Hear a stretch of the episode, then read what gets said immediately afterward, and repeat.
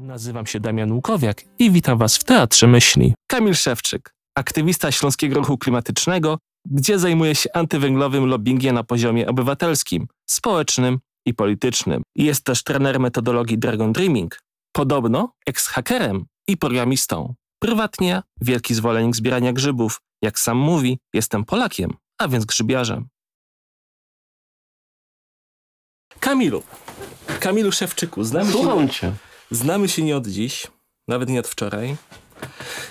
Nasza znajomość wynikła bezpośrednio z decyzji, które jakoś tam podjąłem, z których nie zawsze jestem dumny. Tak, niezależnie ode mnie zupełnie się poznaliśmy. Niezależnie od ciebie, nie, niezależnie. W sumie zależnie ode mnie. I powiem ci, że zrobiłbym to wszystko jeszcze raz, mimo wszystko, ponieważ dało mi to bardzo wiele. Powstało z tego bardzo wiele. I, i ostatnie kilka lat było bardzo szalonych. Mieliśmy nasz piękny COVID. Teraz mamy konflikt na Ukrainie i wiele innych elementów. I teraz powiedz mi, czego nauczyły cię te ostatnie kilka lat? Yy, ostatnie kilka lat nauczyły mnie, że mogę wszystko. Nie wiem, czy to, jest, czy to ma być kanał narcystyczny Kamila Szewczyka w tym momencie, znaczy odcinek o tym, że rozpływam się nad tym, jak siebie lubię. E. Nie, chyba nie.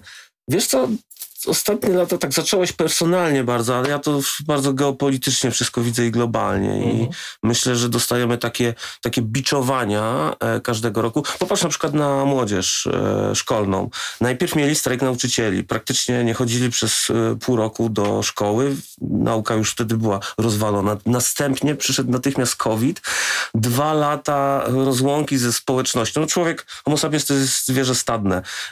I, Zauważyłem. I słabo się czuję zamknięty w jednym pokoju przez dwa lata. E, I to są takie jakby takie, takie detale, ale już rozkrajają spójność, jakąś integralność społeczeństwa.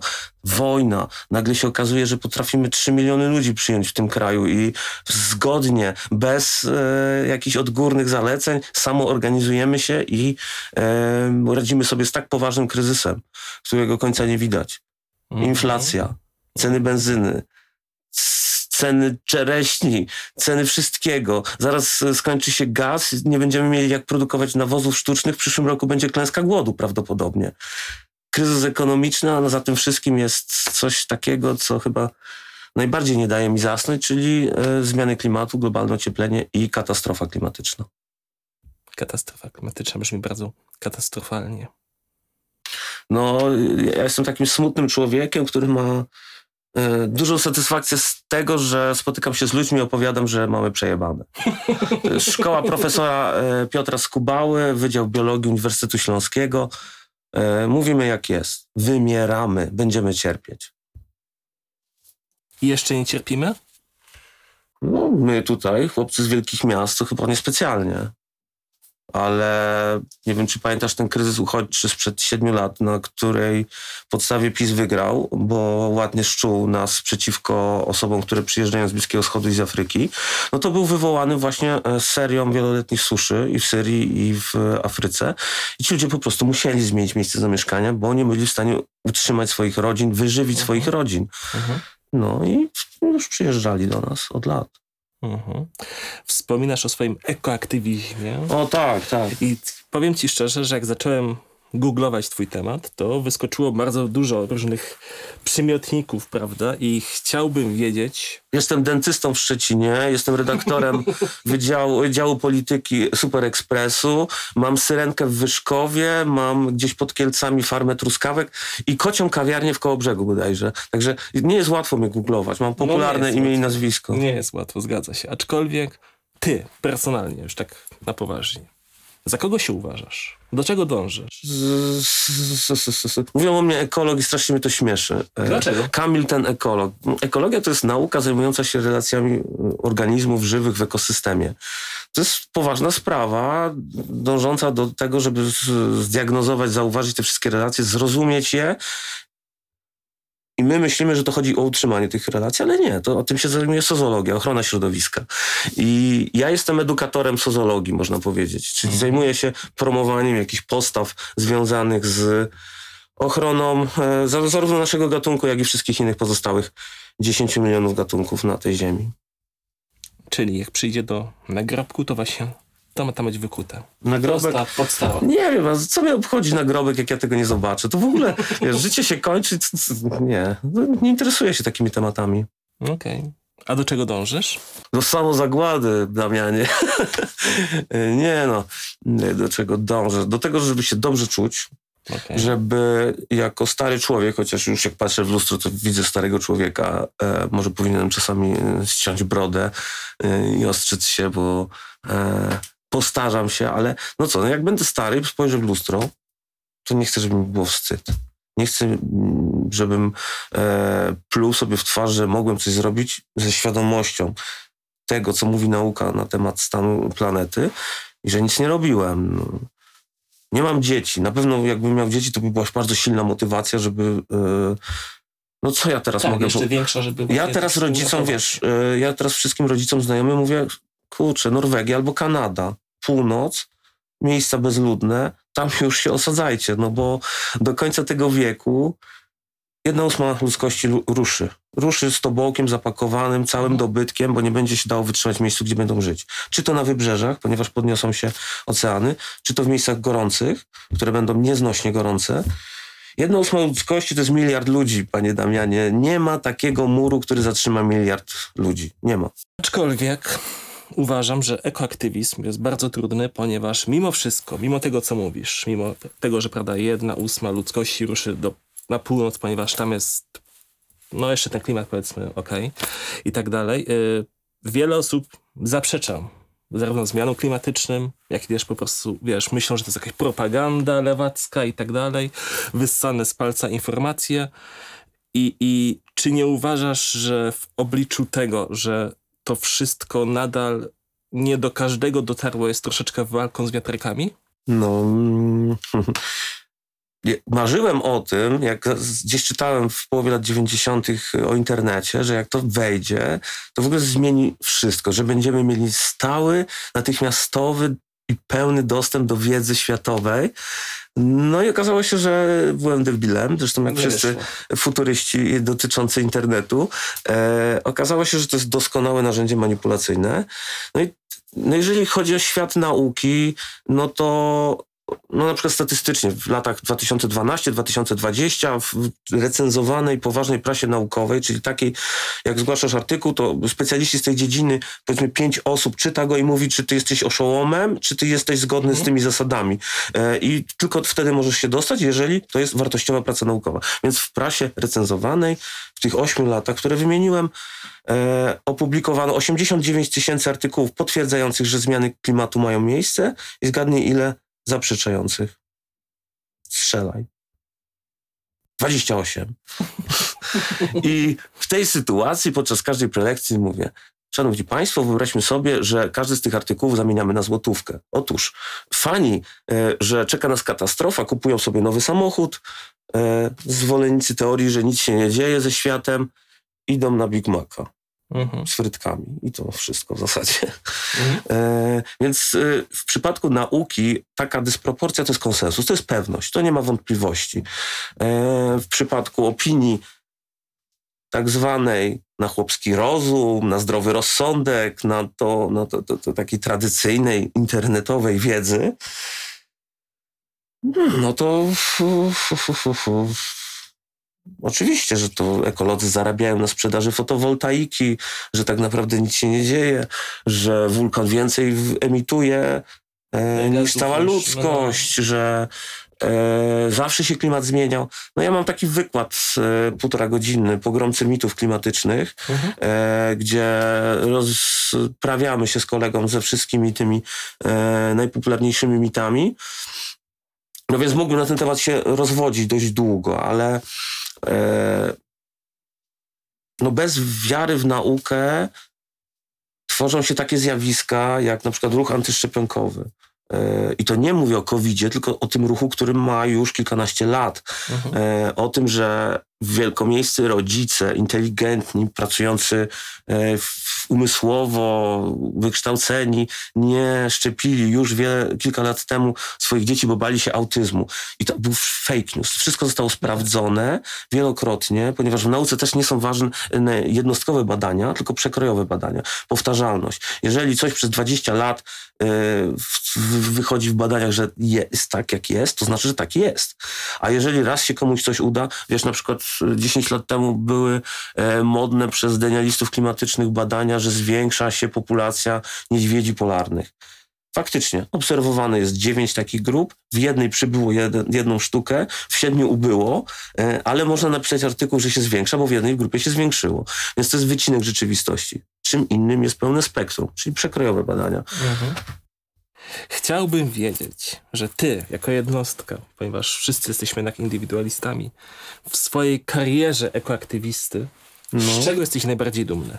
O Boże. Hmm. Kiedyś myślałem, że potrzebuję na przykład e, zmiany prawa dotyczącej dotyczącego emisyjności mhm. na terenie Katowic albo szerzej w Polsce. Kiedyś myślałem, że to trzeba tak faktycznie wyłączyć jakąś elektrownię, poczuć tą moc, że, że tnie się emisję. No teraz jestem najbardziej dumny, że jak mam jakiś wykład i spotykam 30 osób czy 50 osób, to jestem dumny, łudząc się, że jedna bądź dwie z tej grupy na koniec dnia pomyśli sobie, warto by się zastanowić nad tym i coś w swoim życiu zmienić. I w zasadzie tyle mi wystarcza. Jestem, e, mam niskie oczekiwania. Bardzo niskie, na 30 osób, dwie tylko? Tak, tak, ale to jest, e, nie mówię, że te osoby słuchały uważnie, tylko mówię, że na koniec dnia faktycznie myślą sobie, no to kurczę, może będę jadł mięso co drugi dzień. Albo może podzielę się moim autem z kimś, a stara, postaram się e, co drugi dzień jeździć rowerem do pracy, a brat będzie sobie brał go na przykład, no nie wiem, no cokolwiek, mhm. każdy drobny kroczek, bo wiesz, ja tak, na przykład to mięso, e, to jest dość poważny wkład w ślad węglowy, ma produkcja e, mięsa, to są w ogóle rzędy wielkości większe skale emisji zużycia wody niż w przypadku diety roślinnej, no ale czy mi zależy na tym, żeby przekonać kogoś do weganizmu, do diety stuprocentowo roślinnej w ogóle? Osobiście no uważam, że tak nie przekonasz. Tak o, o wiele bardziej skuteczniej e, i łatwiej i efektywniej jest przekonać dwóch gości, żeby jedli połowę mniej mięsa. Co drugi dzień mięso, albo po prostu połowę mniejszy kotlet.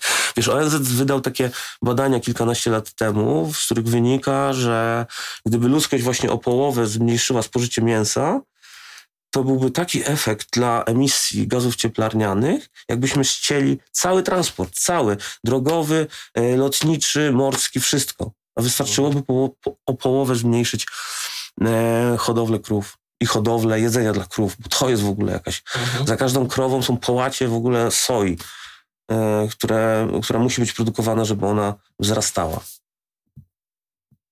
Nie brzmi to dobrze. Mm, stan ziemi jest opłakany, jest to dramat, bo wiesz, my tu sobie rozmawiamy o e, kryzysie klimatycznym. Przeciętny zjadacz chleba, chce czy nie, na, w naszym kraju przynajmniej ma świadomość, że coś takiego istnieje, że mhm. coś tam się będzie działo Coś się obiło uszy. Oszołomstwo jakieś konfederacyjne, y, jest coraz mniejsze takich denialistów totalnych, nie? że to mhm. jest zmyślone. To już nikt nie traktuje poważnie Korwina Mikke i jego ekipy tej, tej najbliższej. To tam y, Robert Winnicki, czyli szef ruchu narodowego w Polsce, będzie budował kapitał na tym, że w wyniku zmian klimatu przyjdą uchodźcy, musimy ochronić naszą kulturę, tradycję. Już ma takie e, pomysły, więc e, nie ma, e, nie ma lęku przed znaczy nie ma e, wątpliwości co do zmian klimatu w moim otoczeniu. Ja żyję w bąbelku, nie? Ale generalnie tak, lubię, się e, lubię się konfrontować z, z, w jakichś dyskusjach. Myślę, że jest coraz trudniej takiego zatwardziałego oszołoma znaleźć. E, często oni się wstydzą nawet. No, mam jakieś zajęcia z młodzieżą, jest tam jakieś takie technikum, e, same hopy, koszarowa atmosfera, no i e, dyskutujemy, dyskutujemy i na koniec podchodzi jakiś taki mi się wydaje to wszystko wyssane z palca, ale to już nie jest taka dyskusja w trakcie, przerywanie, psucie. Publice musi tak, powiedzieć, tylko tak. po prostu później tak... tak. Przesiedział cicho i na koniec powiedział, że no, ekolodzy, lewactwo. E, no więc e, kryzys klimatu mamy dobrze rozpoznany, ale jest coś takiego jak limity planetarne. W 2014 roku dwóch naukowców e, ze Szwecji Australii założyło zespół, który miał wyznaczyć właśnie takie limity. I te limity, tych limitów jest 9 i 4 czy 5 już jest przekroczonych. I to, jest, to są takie rzeczy jak na przykład ilość sztucznie dostarczonych do środowiska chemikaliów. Mhm. Wszystkich. Metali ciężkich, antybiotyków, hormonów, zanieczyszczenia powietrza przekroczone. Zaburzenie cyklu azotowego, czyli tyle, ile my w sposób sztuczny do, dodajemy azotu do biosfery. Azot to jest podstawowy pierwiastek stosowany w nawozach sztucznych. E, jest wielokrotnie większa ta ilość tego azotu niż może natura, naturalnie go rozłożyć, przechwycić, prze, przemielić. Nie? E, w przypadku cyklu fosforowego, który też jest wykorzystywany w nawozach, jesteśmy bardzo blisko tego limitu. Jeszcze mamy odpowiednio dużą powierzchnię ziemi, żeby e, mieć uprawy i wyżywić ludzkość, no bo tam właśnie Kanada czy cała Rosja, no to mhm. pustka, nie? Tak, tak. Można tam sadzić. Wody jeszcze mamy też dość dużo, no ale już bioróżnorodność, jeden z najważniejszych wskaźników, bioróżnorodność, zróżnicowanie ziemia, yy, życia na Ziemi. E, proszę? Siada. Kurwa. Damian. Yy, ewolucja tak działa, że gatunki się pojawiają nowe, wymierają takie niedostosowane, jakieś no tak, nieudane. Tak, tak. To tak działa od zawsze, nie? Na milion gatunków, jak wymrze w ciągu roku 10 gatunków, jest luz. Teraz wymiera e, 10, 1000, 100 razy więcej. 100 razy więcej przekroczony jest ten parametr. No. Niektórych gatunków nie, nie zdążymy poznać. Bo jeszcze, wiesz, tam ssaki są świetnie, czy gady, czy ptaki rozpoznane, mhm. ale w przypadku bakterii, grzybów, tych mniejszych rzeczy, no to, to ciągle się odkrywa coś. Tak. I no i to jest takie bardzo przygnębiające, że ta planeta wydaje się, że no, no, zobacz zdjęcia z Marsa, nie? Jacyś oszołomi w ogóle myślą, że, że fajnie jest polecieć na, Mar na Marsa, założyć tam... E, Kolonię. Tak. I przerobić go na miejsce do życia. Bo nie oglądali obcego, po prostu o to chodzi. Albo Marsjanina nie oglądali. Albo lubią po prostu bardzo ziemniaki. e, no widzisz zdjęcia Marsa, no zajebiste. Jak ktoś lubi takie islandzkie klimaty wulkaniczne, no to pewnie fajnie jest na Marsie. Ale jak sobie przyłożysz to do najprostszego, nawet gospodarczego lasu, do ptaszków, które tam latają, do trawy, która się pod wpływem wiatru ugina, do kwiatków, do grzybów kolorowych, niesamowitych, jakichś w ogóle potworów z innej planety, które tam gdzieś wyrastają z, ze zmarłych konarów, no to sobie myślisz, no, że to jest coś, no ja chciałbym dolecieć na taką planetę jak Ziemia, zobaczyć coś takiego, zobaczyć tak niesamowite zróżnicowanie e, różnych klimatów, różnych krajobrazów, różnych form ukształtowania, sekwoje w ogóle, Jezus, jak ja bym chciał zobaczyć sekwoje, tylko trzeba polecieć nad Atlantykiem e, samolotem, to dość duże są emisje. Rafę kolorową chciałbym mega zobaczyć, bo ja trochę nurkuję e, ale każdy ten przelot, żeby ją zobaczyć, żeby jeszcze zdążyć, to jest po prostu takie pieprznięcie w ryja Rafy. Mhm. Ona coraz gorzej się ma z każdym takim nurkiem, entuzjastą. Yy, wspominałeś o bańce informacyjnej, to faktycznie jest coś, tak naprawdę nie każdy o tym wie, ale przebywa w tym, bo ponieważ łatwo właśnie tego nie zauważyć, ale mimo wszystko to się znajduje. I mam wrażenie, że wyjście z takiej bańki jest oczywiście bardzo trudne i wymaga bardzo, bardzo dużej połaci, uważności takiej i, i chciałbym się spytać, jak uważasz, czy da się, jeżeli się da, to w jaki sposób pobudzi taką swoją uważność, żeby powiedzieć, okej, okay, chcę, chcę jednak, wiesz, zobaczyć coś więcej właśnie. Hmm. Bańka, istnienie bańki informacyjnej wydaje mi się, że powstało razem z... Z internetem pewnie ze social mediami tak okay. naprawdę, czyli z takim algorytmem dostarczenia ci informacji, który sprawi, że jak najdłużej będziesz po prostu sobie ćpał te informacje. Mhm. One muszą być doskonale dopasowane do twoich potrzeb, nawet chwilowego nastroju. No i Facebook doskonale zarządza tymi danymi i robi ci taki fidzik, który sprawi, że będziesz się czuł dokładnie tak, jak potrzebujesz się czuć. Mhm. E, no jak można wpłynąć na, tą, na, na ten szereg, na ten ciąg danych, który dostajesz, żeby go zmienić na coś. No nie da się. Trzeba przede wszystkim zmienić źródło informacji, zdywersyfikować je. Przyklejenie się do Twittera, do Instagrama, no to są wszystko doskonałe algorytmy sztucznej inteligencji, które mm, od lat są tak regulowane, żeby e, się nie zdziwił, nie zaskoczył, żebyś się nie wkurzył, żebyś nie rzucił tym telefonem i powiedział na cholerę mi takie informacje, to jest w ogóle bez sensu, żebyś miał złe emocje. Masz mieć mhm. dobre emocje, masz być przywiązany, masz lajkować, komentować i masz się uśmiechać do tej kamerki, w którą wierzysz, że nie działa, a ona sprawdza, jaki masz wyraz twarzy. Jeszcze do niedawna, szczególnie w e, modelach opartych na Androidzie, nie dało się sprawdzić, czy aplikacja e, korzysta z tej kamery, czy nie. E, taka. No zawsze pyta przecież. Ten, przynajmniej w laptopie masz zawsze diodę LED, która jest połączona z zasilaniem tej kamery. Jak ona się świeci, to masz pewność, że, że się nagrywa, a jak nie tak, świeci, tak, to tak. znaczy, że nie, nie ma. W, telef- w smartfonach nie ma takiej diody, która by była podłączona do, e, do po prostu do zasilania, tak żeby była, no nie dałoby się jej ominąć. Mhm. E, pyta, owszem, pyta, no. Tak, pyta.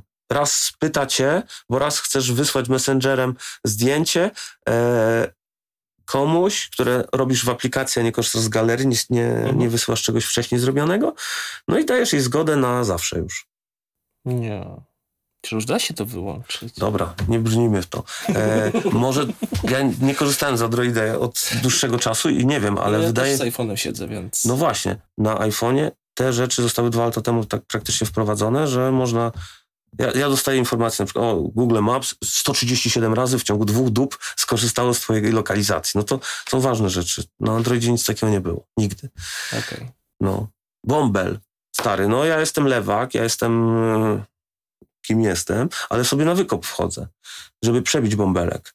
E, uwielbiam czytać nie tylko nawet newsy na wykopie, co dyskusje prawactwa, incelstwa i całej tej e, takiej właśnie e, bańki, obcej bańki. E, I robię to, e, tak, często to robię i lubię to robić. Niezależna.pl. Polecam komentarze na serwisie niezależna.pl każdemu lewakowi. Na, można się poczuć, jak się, że, że żyje się w obcym państwie. W ogóle bardzo ciekawe wyjście ze strefy komfortu. Mhm. Wspomniałeś właśnie, że y, tak naprawdę czytając wszystkie informacje, nie wyobrażałeś sobie innej drogi dla siebie tak naprawdę niż zmiana klimatu i staranie się zatrzymać właśnie tego wszystkiego. A ja chciałbym cię zapytać mniej więcej w tym kontekście, Weźmy sobie na przykład takiego, nie wiem, Zbyszka, który faktycznie chciałby zacząć działać. Ile lat ma Zbyszek? A niech ma 25. Niech będzie... Z jakiej miejscowości pochodzi? Z Kielc. Z Kielc? Z Kielc. Fantastycznie. Powiedzmy, że y, rodzice go nie lubili, dali mu na imię Zbyszek, chociaż to powinno być już dosyć niedawno. I, I powiedz mi, jak taki Zbyszek może zacząć działać i się dowiadywać? Co byś mu poradził? Terapię. Jeżeli rodzice go nie lubili, to musimy zacząć od terapii.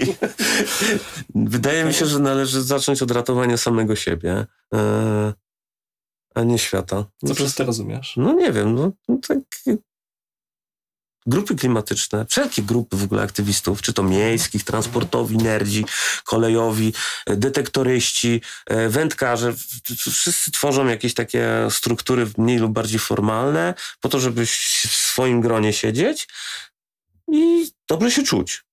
Podobnie jest też z tak zwanymi ekologami, czy, czy ruchami klimatycznymi. E, jeżeli obejrzałeś kilka filmów przyrodniczych na Netflixie, gdzie David Attenborough um, przez półtorej godziny mówił, że jest przejebane, jest przejebane, że nie ma ratunku dla planety. Przez ostatnie pięć minut mówi, że tam jest jakaś nadzieja, no i to można złapać depresję. Jeżeli się posłucha moich wykładów, czy tam znajomych ze Śląskiego Ruchu Klimatycznego, to można wpaść w depresję. No i żeby tą depresję się nie pogrążyć klimatyczną całkiem, no bo e, jednym z pomysłów na zmiany klimatu jest antynatalizm. No, problemem nie są e, zwierzęta czy rośliny na tej planecie, tylko jedno zwierzę, człowiek. Mhm. E, generalnie im nas, im, im nas by było mniej, tym lepiej dla środowiska. No więc można popełnić samobójstwo i to jest bardzo klimatyczna e, postawa. E, ale nie chcemy tego, nie namawiamy. Namawiamy do tego, żeby pójść na spotkanie młodzieżowego strajku klimatycznego, Extension Rebellion, jakiejś innej grupy, nie wiem, Rodzice dla Klimatu, Światowy Ruch Katolików na rzecz środowiska. Jest y, bardzo dużo takich organizacji. Jeśli nie ma, to można sobie założyć. Większość z nich bardzo chętnie się klonuje na nowe miejsca. No i co robić? E, zaprzyjaźnić się z tymi ludźmi, spędzić trochę czasu, e, pojechać w góry, pospacerować po lokalnych parkach, pomierzyć drzewa duże, może są jakieś pomnikowe, można je zgłosić, e, piknikować, e, robić wegańskiego grilla, no po prostu e, być w stadzie. Być w stadzie w swoim plemieniu. Mhm. Być w stadzie, a czy jednostka jest w stanie coś zmienić? No tak, można sobie poprawić humor. Myślę, że y, jednostka, która nie je mięsa, jeździ na rowerze, nie lata samolotem, nie kupuje rzeczy nowych, stara się wszystko mieć jakieś takie albo używane, albo naprawiane. Mm, taka jednostka, jakby nawet ją sklonować na 8 miliardów jednostek na tym świecie, no to jeszcze nie uratuje planety, ponieważ nadal jest produkowany z węgla prąd, który nam e, zasila komputer i mhm. światełko i tą lodówkę i to wszystko. E, najważniejszym emitentem są producenci energii elektrycznej i ciepła. Mm, w przypadku Polski w 75% energia produkowana jest z węgla e, kamiennego i brunatnego. No to jest taki najgorszy pomysł, ale gaz wcale też nie jest lepszy dużo. Odnawialne źródła energii, energia wodna, energia jądrowa, która ma zagrożenia pewne, ale nie jest emisyjna w żaden sposób. E, to się musi zmienić, ponieważ wpychamy do tego kocyka, jakim jest atmosfera, e, za dużo gazów, które sprawiają, że ta atmosfera się ogrzewa. Mhm.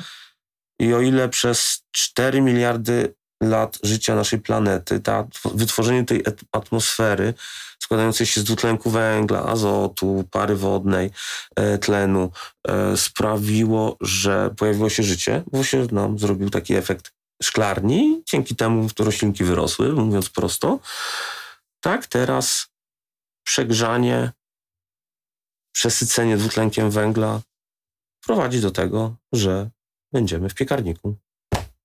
Kamilu, Kamilu, Kamilu, a czym dla ciebie jest wspólnota? Jak słyszysz takie słowo? Prosiłem o przesłanie pytań wcześniej. Ja bym sobie teraz takie fajne, cwane odpowiedzi na każde hasło twoje, Damian, e, przygotował. O, to cię czeka ciężka sprawa potem, ale przejdźmy na razie. Trzymajmy się tego, co jest. Czym dla ciebie jest wspólnota? No, jest grupą zadowolonych jednostek, które współdziałają. Okej. Okay. Jak w tym wszystkim widzisz Dragon Dreaming? Czy to jest jakoś połączone, czy niekoniecznie? Mm, no, Dragon Dreaming jest to jeden z elementów mojego życia. E, zetknięcie się z tą metodologią, które pozwoliło mi uwierzyć, że nie jestem tylko takim, taką gałązką na wietrze, tylko mogę być tym pieńkiem dla innych gałązek, tak mówiąc górnolotnie.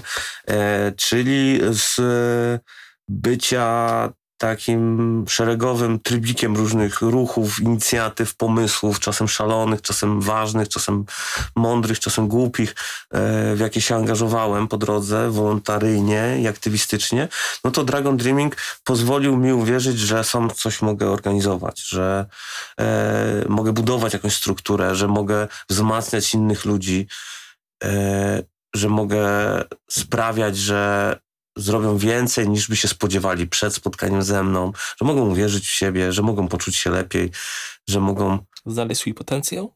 No, tak. Mhm. A wszystko przez aborygenów, albo dzięki nim. Bo Dragon, Dragon Dreaming to brzmi tak ja nie wiem, ja już zastanawiam się nad zmianą tej nazwy, znaczy stworzeniem forka, bo to jest metodologia open source'owa, więc można sobie zrobić z nią wszystko. Aha. I Dragon Dreaming jest trochę za bardzo taki ezoteryczny, to tak jakieś, jakieś smoki, jakiś dream, no. Ale to wszystko wzięło się z australijskiej amerykańskiego takiego pracownika administracji państwowej, Johna Crofta, który od lat 80. sobie jeździł po prowincji, po interiorze e, australijskim, spotykał się z, z, totalnie zdegradowanymi społecznościami aborygenów, którzy e, klepali biedę, e, ćpając i pijąc e, w tych swoich mhm. wyrwanych z tradycyjnych zwyczajów społecznościach. No, on miał zdiagnozować, jak można im pomóc. Nie wiem, czy udało mu się pomóc, bo te problemy tam są do dzisiaj nierozwiązane w Australii. Relacje napływowi Europejczycy, natywni mhm. mieszkańcy. Ale nauczył się e, pewnego sposobu współistnienia aborygenów. Nauczył się mm, tego, jak słuchać innych, tego, jak e, budować cel, tak aby nikt nie poczuł się wykluczony w grupie, która ten cel ma realizować. Nauczył się tego, że każdy ma jakąś rolę, nie, każdy, nie, nie, nie wszyscy mogą, do wszystkiego się nadają po prostu, mhm. że trzeba się dobrze czuć ze swoimi zadaniami. E, no i trzeba sobie zadawać kilka pytań. Jak robimy cokolwiek, to trzeba się pytać, czy to jest dobre dla mnie, czy to jest dobre dla mojej społeczności, no i czy to jest dobre dla mojej planety, która jest tylko jedna. I, i ten Croft y, napisał książeczkę, która jest podręcznikiem dla zachodniego świata, dla mieszkańców Ameryki i Europy, mm, jak właśnie prowadzić projekt za pomocą tych prostych trzech pytań. Okej. Okay. No. Pewnie trzy pytania potrafią przynieść wiele odpowiedzi. Tak, często jest tak, że ta chwila przerwy, ta pauza, to zastanowienie się nad następnym krokiem jest potrzebna, a nie mamy za dużo czasu i przestrzeni na e, rozważania w dzisiejszym świecie. Mhm. A jakbyś to zmienił? E, Ten brak czasu. Apoteozą lenistwa. E, to znaczy? To znaczy, że gospodarka kapitalistyczna, szczególnie gospodarka neoliberalna, sprawia, że lenie, nieroby, wałkonie, elwry i tak dalej, no, nie są pożądanymi elementami. A mhm. A może się kryć w nich jednak jakiś potencjał. No ale po co, po co nam ten ciągły wzrost? Po co nam cały czas lepsze samochody, wyższe budynki, mocniejsze komputery? Wszystko działa. Jest, tu mówię jako programista. Nie jestem jakimś hodowcą marchewki. Generalnie lubię technologię, ale nie wydaje mi się, żeby ciągły wzrost był nam potrzebny. Mhm. Myślę, że powinniśmy sobie odpuszczać. No i to widać w e, krajach bardzo bogatych zachodu, gdzie na przykład Dania e, czy Belgia rozważają na przykład czterodniowy dzień pracy, sześciogodzinny dzień pracy. No myślę, że potrzebne nam, nam odpuszczenia. Tylko też nie możemy przerzucić tego wszystkiego, tej całej produkcji do Chin czy Afryki. No to, to nie na tym polega. Mhm. My tu mamy naprawdę fajnie w Europie, e, szczególnie odkąd żeśmy weszli sobie do wspólnoty, no to, no to Polska stała się krajem marzeń. To widać, nie? Na ulicach, ile przyjeżdża do nas ludzi po to, żeby tutaj sobie żyć, bo, bo sobie wybrali. Ja bardzo lubię Ubera, bardzo lubię Bolta. Jestem zachwycony każdą rozmową. W tym tygodniu jechałem z... Rozmawiasz w Bolcie? E, rozmawiam, tak. W tym tygodniu jechałem sobie na przykład z chłopakiem z Etiopii i z Zimbabwe, e, którzy wybrali właśnie Katowice. To jest zawsze takie pytanie zadaję, jak się tu czujesz, czy to jest pierwsze miasto w Europie, czy to jest pierwszy kraj w Europie. No i wyobraź sobie, że koleś przyjeżdża z e, Hararu, stolicy Zimbabwe, to jest 3,5 miliona chyba aglomeracja cała, półtorej miliona miasto i mówi, że jak tu jest fajnie, jak tu, tu, jest wszystko, nie ma korków, nie ma tłumu ludzi, to jest naprawdę fajne miasto. I też mi się tak wydaje, że Katowice są takie optymalne. W ogóle ten rejon. Mhm. Dobrze skomunikowany, nieprzeludniony, dużo zieleni, mhm. wbrew pozorom. Wszędzie blisko. Tu do Krakowa, tu do Wrocławia, tu do Czech, tu do Warszawy. To jest, no nie wiem. Ale łatwo tego nie docenić. No, wiadomo, że fajnie by było żyć nie wiem, w Amsterdamie na przykład. Albo w A byłem i właśnie, że nie. No widzisz? No widzisz, ja nie byłem, ale tak słyszałem. A co nazwałbyś światłem swojego życia. Zaczyna się. Zaczyna się. Wiedziałeś. Światełko duszy mojej. Mhm. Co rozświetla twoje życie? Mm. Mój ulubiony moment w moim życiu w ostatnich latach to jest jak e, budzę się, mm, korzystam z toalety, siadam przy moim stole wyciągniętym ze śmietnika, starym, e, robię sobie herbatę czarną i włączam kalendarz i patrzę, co tego dnia będę robił. Bo mam e, takie fajne życie, że codziennie robię coś innego. Mhm. I, I lubię ten moment picia czarnych. To jest takie najważniejsze. Patrzę w okno, mieszkam dość wysoko, mam fajny widok. E, no, upajam się e, pięknem życia wtedy. E, uwielbiam takie poranki. Takie leniwe przygotowanie do tego, co dalej. No i czarna herbata. Która ostatnio nie jest popularna mimo wszystko, a mówisz, że jesteś team czarna herbata. Jestem team, jestem coffee nerdem, który ostatnio zakochał się w czarnej herbacie. I w, tak, zdecydowanie bardziej mi do poranka pa, pasuje taki angielski zwyczaj bardziej niż e, powiedzmy śródziemnomorskie pić, walenie espresso. Okej. No, ale to jest taki, wiesz, brak odpowiedzi na, na pytanie, po prostu zbyłem cię. Nie, nie, nie wiem, co to jest świat, co, co mnie tak napędza. Nie, nie wiem. Fajnie jest żyć. Fajnie jest żyć. No, to jest światełko. Na planecie, która umiera. Na planecie, która jest przejebanie fajna i no wiesz, ja nie, nie, ja nie doczekam tego umierania. Mhm. Też to jest uspokajające. Ja myślę bardziej No o na wnukach i o, i o dzieciach. To te dwa pokolenia, no nie będą mieć łatwo. A no, ja mam 43 lata, zostało mi jeszcze jakieś 25, powiedzmy, według statystyk średniej wieku życia mężczyzny w tym kraju, więc do 50 roku może dociągnę. No, a to jeszcze nie będzie y, apogeum wszystkiego Mhm. złego. Więc co? no? Czy w twoim życiu więc nie ma światła? Mm. No jak nie ma światła? No to co jest największym światłem twoim No, to jest gwiazda, nasza lokalna gwiazda, która e, nazywam, którą nazywamy Słońcem. Tak? Wspaniałe źródło światła i energii.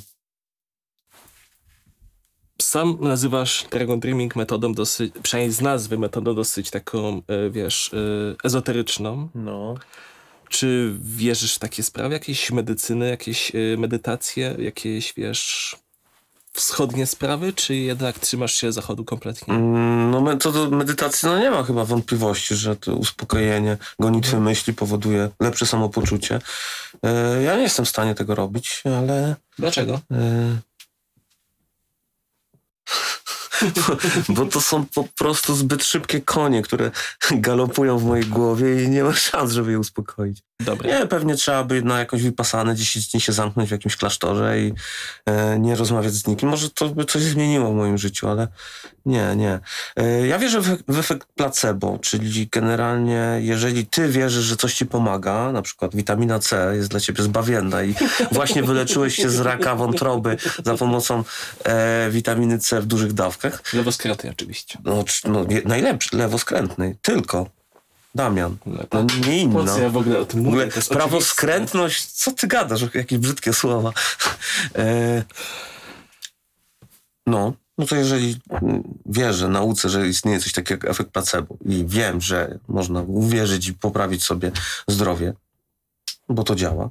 Jeżeli tylko jesteś przekonany, że to działa, no to no co, co mam kwestionować? Jakieś takie ezoteryczne wynalazki różne. No śmieję się z homeopatii totalnie. No, podstawy naukowe jej są po prostu żadne. E, Mhm. ale jeżeli komuś to pomaga, Okej. ktoś zarabia grube miliony e, na sprzedaży cukru e, na katar, tabletkach, no Dobra. Czyli y, powiedziałbyś, że medytacja nie działa? Czy tylko po prostu naprawdę nie jest dla Medytacja ciebie? najbardziej działa. No, nie wiem, no, wierzę. Tylko nie jesteś w stanie. Ponieważ w ruchu, wiesz. E, kiedyś praktykowałem dość długo, ale COVID mi to zabrał i potem już nie wróciłem do tego. E, medytacja formę w- medytacji w ruchu, e, czyli taniec z pięciu rytmów. Okej. To jest, e, no po prostu poruszasz się tak, jak ci ciało podpowiada i starasz się nie myśleć i nie, i nie prowadzić interakcji z innymi. No, to bardzo jest przyjemne. Siedzenie na krześle sprawia, że zaraz usnę. No, na, nawet na krześle. Już Mhm. jakbym się położył, to bym natychmiast spał. Mm, mm, pewnie to wymaga praktyki jakiejś, ale odkryłem ten taniec. No, tylko, że posypały się w covid wszystkie zajęcia. Mhm. Po covid byłem na jednych, zupełnie mi nie odpowiadała atmosfera, grupa, jakoś tak się zniechęciłem. E, No musiałbym po prostu poszukać, bo to było na pewno bardzo fajne. Dwie, trzy godziny takiego ostrego wypocenia się też było to dobre dla ciała bardzo. Mhm. A czy jest coś, co nazwałbyś swoją mantrą, czy niekoniecznie? Wszyscy umrzemy, wszyscy umrzemy, wszyscy umrzemy. Chciałbym to zobaczyć, jak medytujesz, mówiąc wszyscy umrzemy. No. Lubię tą świadomość, że mamy bardzo ograniczony czas i trzeba go dobrze wykorzystać. Mhm. Rozmawialiśmy o tym, czego nauczyły cię ostatnie lata.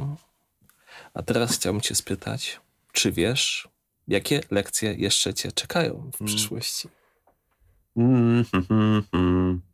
Mam nadzieję, że czeka mnie lekcja, rozcz- wielkie rozczarowanie polityką, bo troszkę żeśmy w ostatnich latach w Polsce szczególnie e, taką samą spełniającą się przepowiednię co do polityków zastosowali. Mantrujemy, że politycy kradną, oszukują i nas wykorzystują i sprawiliśmy, że do polityki poszły osoby, które e, kradną, oszukują i nas wykorzystują, bo wszyscy tak zwani przyzwoici czy porządni ludzie uważają, że to jest brud, syf i nie warto się w to mieszać. Jestem innego zdania. Uważam, że e, jeżeli nie mam na kogo głosować, to powinien startować w wyborach. I Tak Bardzo- z książką, jak nie wiesz, co masz czytać, to napisz sobie swoją. no, Coś w tym stylu. ja wiesz, ja jako dwudziestolatek to byłem ostro zajawiony w poezję. Pisałem dużo wierszy, wygrałem kilka konkursów i w ogóle nic nie czytałem poezji. Ja E. też nie, a też tak podobnie miałem.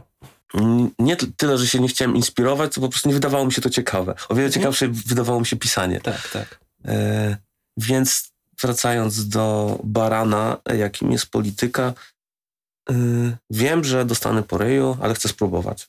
Mhm. E, ciekawi mnie ten proces podejmowania decyzji, budowania prawa. E, jara mnie to, tak. Wiem, że e, lubię, do, do, dobrze się czuję w, w spotykaniu dużej ilości nowych ludzi, sprzedawaniu im jakiejś idei, budowaniu kompromisów. E, podoba mi się to po prostu. Widzisz się tam. Tak, to jest taka energia, która mi się podoba.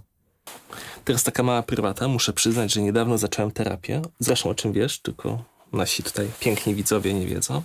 I dosyć łatwo, dosyć szybko wyszło na to, że mam duży problem z odpuszczaniem. Po prostu wiesz, trzymam się jakichś spraw tak kurczowo i, i czasem mam wrażenie, że coś odeszło ode mnie, po czym po kilku latach na przykład wiesz, takie hello, siema, ja tu dalej jestem w twojej głowie i tak dalej. I, i, pytanie brzmi, czy ty nauczyłeś się odpuszczać? I jeżeli tak, to jak?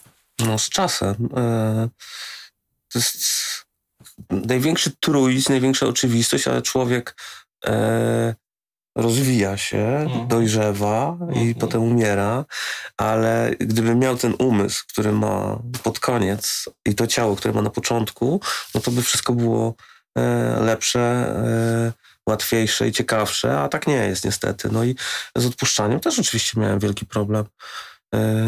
Na przykład bo miałem w życiu taką sytuację, że jako 21-latek, z, e, wielki fan kina, e, zdawałem na reżyserię tutaj w Katowicach. Ze 120 kandydatów zostało 12 na ostatnim etapie, cały tydzień egzaminów, męka totalna. E, miało odpaść 6, a 6 miało zostać przyjętych. No więc te, do, do tej ostatniej grupy dotarłem.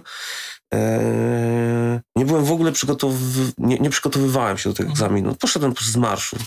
E, miałem bardzo dobre wyniki. Wiele osób mi klepnęło w plecy i powiedziało, że E, Witamy. Że to jest bardzo ciekawa koncepcja, którą tutaj prezentuję. Tam ci egzaminatorzy, bo to bardzo zróżnicowane rzeczy tam były. Bardzo ciekawy jest ten egzamin. Jakbym wiedział wcześniej, jak to wygląda, to bym cokolwiek się przygotował, byłoby zupełnie inaczej. E, na pierwszym etapie na przykład test wiedzy. E, siedzę w pierwszej ławce, koło mnie jakiś taki starszy koleś. Ja spisuję od niego, on spisuje ode mnie. Potem mi kumpel mówi, o stary, ty siedziałeś z Robertem Gonerą w ławce. E, potem Robert, pomagałem mu przy jakiejś etiudce, zaprosimy na imprezę. No w ogóle to, to już, już tam wiesz. E, na egzaminie Filip Bajon, Jerzy Sztur, e, Stanisław Janicki. Nie wiem, czy ktoś kojarzy Janickiego, ale ludzie z mojego wieku kojarzą taki program w telewizji w starym kinie, gdzie facet w ciemnych okularach opowiadał o filmach. Więc koleś, którego kojarzyłem z telewizora, nagle mi zadaje pytanie, jaki by pan, panie Kamilu, film chciał nakręcić na ostatnim etapie tego egzaminu? No, no i przycwaniakowałem.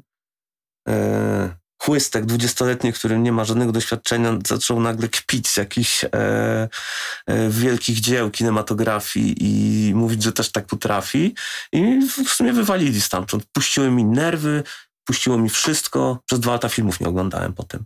Mhm. Miałem e, taką zadrę, e, nie zdawałem ponownie, chociaż już miałem świadomość, jak wygląda ten egzamin, na pewno bym sobie lepiej poradził, tylko się po prostu obraziłem na cały świat, że mnie nie przyjęli, że e, no i odpuszczenie tego e, na pewno bardzo dużo czasu mi zajęło. Potem miałem także projektowałem gry wideo nałogowo i próbowałem je zrealizować, nie potrafiłem odpuścić. Zabierałem się za projekty bardzo duże, bardzo skomplikowane, to jest niemożliwe. E, pewnie nie macie świadomości, że e, wyprodukowanie gry wideo, nawet proste, jest dużo trudniejsze niż nakręcenie filmu. To są sztaby ludzi, lata pracy i setki tysięcy złotych. E, przynajmniej. No i z biegiem lat, z biegiem kolejnych nieudanych projektów, nauczyłem się prowadzić 10 projektów naraz, z czego jak 8 nie wyjdzie, to zawsze mi zostają te dwa, co wyszły. Mhm. I to ułatwia mi po prostu odpuszczanie. Nie trzymam się czegoś bardzo ślepo. Bardzo szybko już teraz jestem w stanie ocenić, że na przykład dana grupa nie wykreuje takiej energii, która jest potrzebna do zrealizowania celu, który sobie założyła. No i też mówię im to na przykład. To bardzo dobrze. No. Jeżeli jesteśmy w stanie zawsze jakoś nauczyć w ten sposób, że coś nie działa, to czemu nie? Okej, okay. teraz zagramy w krótką grę, która będzie polegała na tym, że ja zacznę zdanie, a ty je skończysz. Dobrze, że to krótka gra będzie. Świat byłby lepszy, gdyby. Było mniej ludzi. Po prostu. Na nim?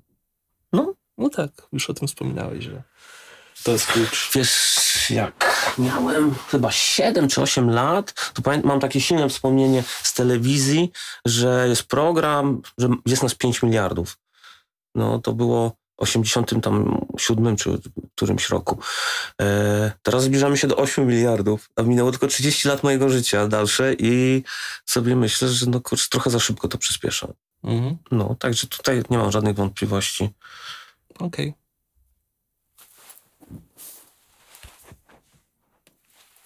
To będzie mocne. Moją religią jest hellenizm. Kiedyś miałem wpisany e, na Facebooku jako moja religia, e, bo uważam, że Zeus to jest naprawdę potężny Bóg i chciałbym zobaczyć jego starcie z Jezusem. E, poza tym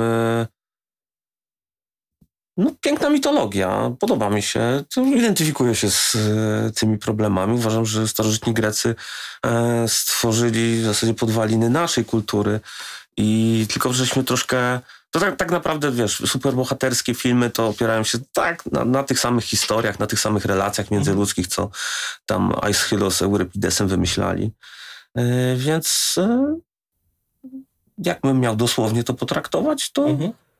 yy, to moją religią jest, jest mitologia, jest opowieść, jest droga bohatera, jest świadomość tego, że Musimy wyjść ze strefy komfortu, spotkać jakiegoś mentora, spotkać kilku tricksterów, stoczyć jakąś ciemną walkę, trudną jaskini i wrócić do swojej społeczności e, z jakąś nową wartością.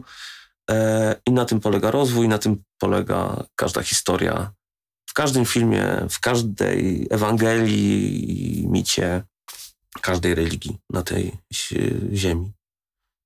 Ta jaskinia mi przypomniała o Imperium kontratakuje. Yy, użyj mocy, Luke. No, był w jaskini. No wiem. Walczył z tym no, drugim. On musiał sobie chyba przyciągnąć miecz, żeby odciąć się, bo tam był przywiązany nogami do... Nie, nie, nie, mówię potem, jak już zjadł ten był i z Waderem niby walczył, a się okazało, że jego twarz była tam, nie?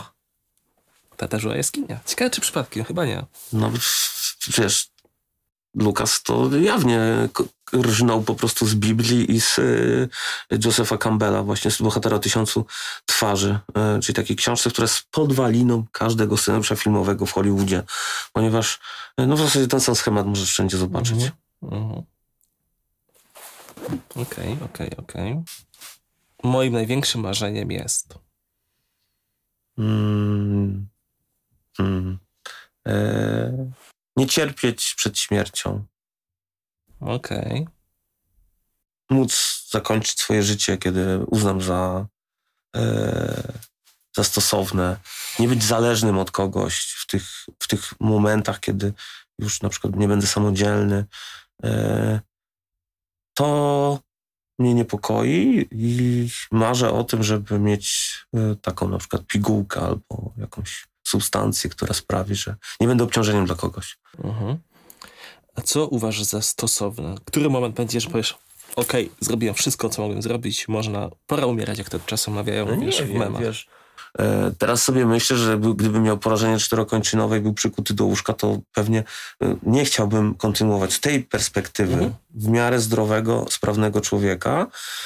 No ale w momencie, kiedy bym leżał i e, jest taki film Motyl Skafander francuski, nie wiem czy widziałeś. E, redaktor, zdaje się, jakiegoś modowego pisma naczelny, bardzo znana postać w, we Francji, ma wypadek, jest całkowicie sparyżowany, tylko może mrugać. I on pisze książkę e, za pomocą mrugania z osobą, która interpretuje te jego mrugnięcia. No, też taki polski film był Nieważne. E, w każdym razie no, mamy przykłady takich e, odciętych ludzi, którzy mogą prowadzić interakcje, no i może bym e, znalazł tyle siły, żeby na przykład coś takiego tym się zająć, ale generalnie tak dzisiaj no po prostu nie chciałbym robić pod siebie i żeby ktoś mnie musiał myć na przykład. Mm -hmm. I to byłby taki bardzo nieprzyjemny no, Czyli moment stosowny uważa po prostu za kwestie czysto mechaniczno-biologiczne, a nie po prostu jakby wiesz, takie swoje wewnętrzne przeżycia, że... Aha, okay. że taka, że zbliżam tak. się do takiej nirwany, tak, tak, że tak, decyduje... Tak. Nie, nie, nie. Czegoś takiego nie widzisz w ogóle. Nie widzę końca samorozwoju, mhm. takiego e, umysłu, świadomości. Mhm. Mm, nie sądzę, żebym zbliżył się do czegoś takiego. Okay, na razie okay. się na pewno nie zbliżyłem. Na razie wykonałem kilka kroczków takich drobnych. Dobra, powiedz mi. Książką, do której zawsze wracam jest, o ile taka w ogóle istnieje. Hmm. Jest kilka takich książek. E, na pewno taką książką dzieciństwa, do której lubię sobie wrócić czasami. Często o niej rozważam, pytam ludzi, czy czytaj. To są dzieci z Bullerben. Uwielbiam po prostu. E, jest to idealny świat mikrospołeczności, która ma bardzo zróżnicowane przygody, ale takie bliskie natury, ciekawe, zdrowe, szalone. No to też przypomina moje dzieciństwo, kiedy mhm. e, rozrywkę miałem taką, że no nie miałem komputera, w telewizji były dwa kanały i jedyne co mogłem zrobić to se proce robić i strzelać tam do czegoś, nie? Albo coś rozwalać, albo gdzieś tam budować jakiś szałas, no po prostu to to, to nie był wybór dlatego, że to jest fajne, tylko to był wybór dlatego, że nie ma nic innego. Potem jak się pojawiły komputery, no to się skończyło siedzenie na polu. Ale jednak mimo wszystko dzięki tej książce miło wracasz do tych chwil, No że... tak, tak. Czytałem ją bardzo wcześnie i bardzo często mi towarzyszyła mhm. w dzieciństwie. I teraz też na wyrywki sobie lubię ją przeczytać. Okay. Steinbeck. Wiesz, mamy czas jeszcze, prawda? Mogę poopowiadać w tych książkach. Oczywiście, oczywiście. No, no to na pewno ten drugi etap życia, czyli gdzieś jakaś dojrzałość, studia, e, mm, rozważania literaturoznawcze, e, filozoficzne, Okazało się, że najbardziej mi siadły opowiadania Steinbecka, historyjki takie łotrzykowskie, czyli Tortilla Flat, ulica Nadbrzeżna, e, magiczne, magiczny realizm e, w pastwiskach niebieskich, no i ta taka e, narodzenie się powiedzmy socjalistycznego podejścia może do e, społeczeństwa, czyli zainteresowanie tymi najbiedniejszymi, najbardziej wykorzystanymi, czyli grona gniewu. To jest taki manifest w zasadzie e, antykapitalistyczny, opowiadający o tym, co banki i kredyty mogą zrobić ze światem, jeśli są niekontrolowane. I opowiadający tak też... na czasie w sumie i opowiadający o katastrofie klimatycznej, bo kryzys, kryzys 1920 roku, kryzys ekonomiczny polegał na tym, że zrujnowano uprawy roli, a dano e, ludziom e, kredyty na te na, ciągniki, narzędzia i na, te, na tą ziemię i oni nie byli w stanie tego spłacać i po prostu załamały się banki. W ostatnich latach to Harari. Uważam, że Sapiens to jest książka, którą każdy powinien przeczytać to jest biografia człowieka, biografia naszego gatunku i bez tej wiedzy to no, nie ma co w ogóle wychodzić na ulicę. To jest genialna książka, polecana przez bardzo dużo osób. Jest na listach um, na przykład, nie wiem, Baracka Obamy, takich 10 najważniejszych książek, albo Marka Zuckerberga.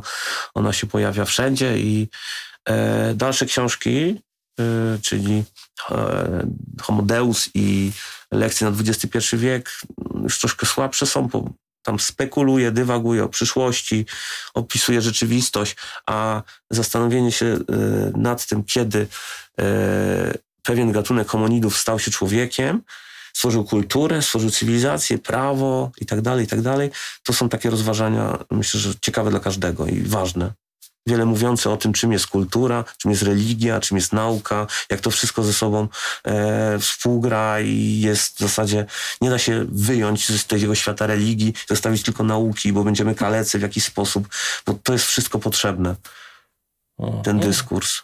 Moim największym wyzwaniem jest w każdym momencie życia coś innego. Tych wyzwań było bardzo dużo tym momencie tak sobie myślę, że lekką tremę bym miał, jak miał na przykład 5 tysięcy ludzi przed sobą i miał przemawiać do nich. To, to tak, no, chciałbym to poczuć. Ale Czyli wyjść ze strefy komfortu w tym momencie. Wyjść ze strefy komfortu, tak. No, na pewno to jest ten kierunek wystąpienia publiczne. E, na razie no tam kilkaset osób gdzieś tam mnie słuchało mhm. i to było bardzo ekscytujące, chociaż pięć lat temu bym w życiu nie uwierzył, że będę robił takie rzeczy. E, no jest taki stadion sobie taki, wiesz, jak jakiś Wembley taki. Okej, okay. no dobra. To A, dzięki bardzo. To koniec? Koniec. Damian. Dziękuję bardzo.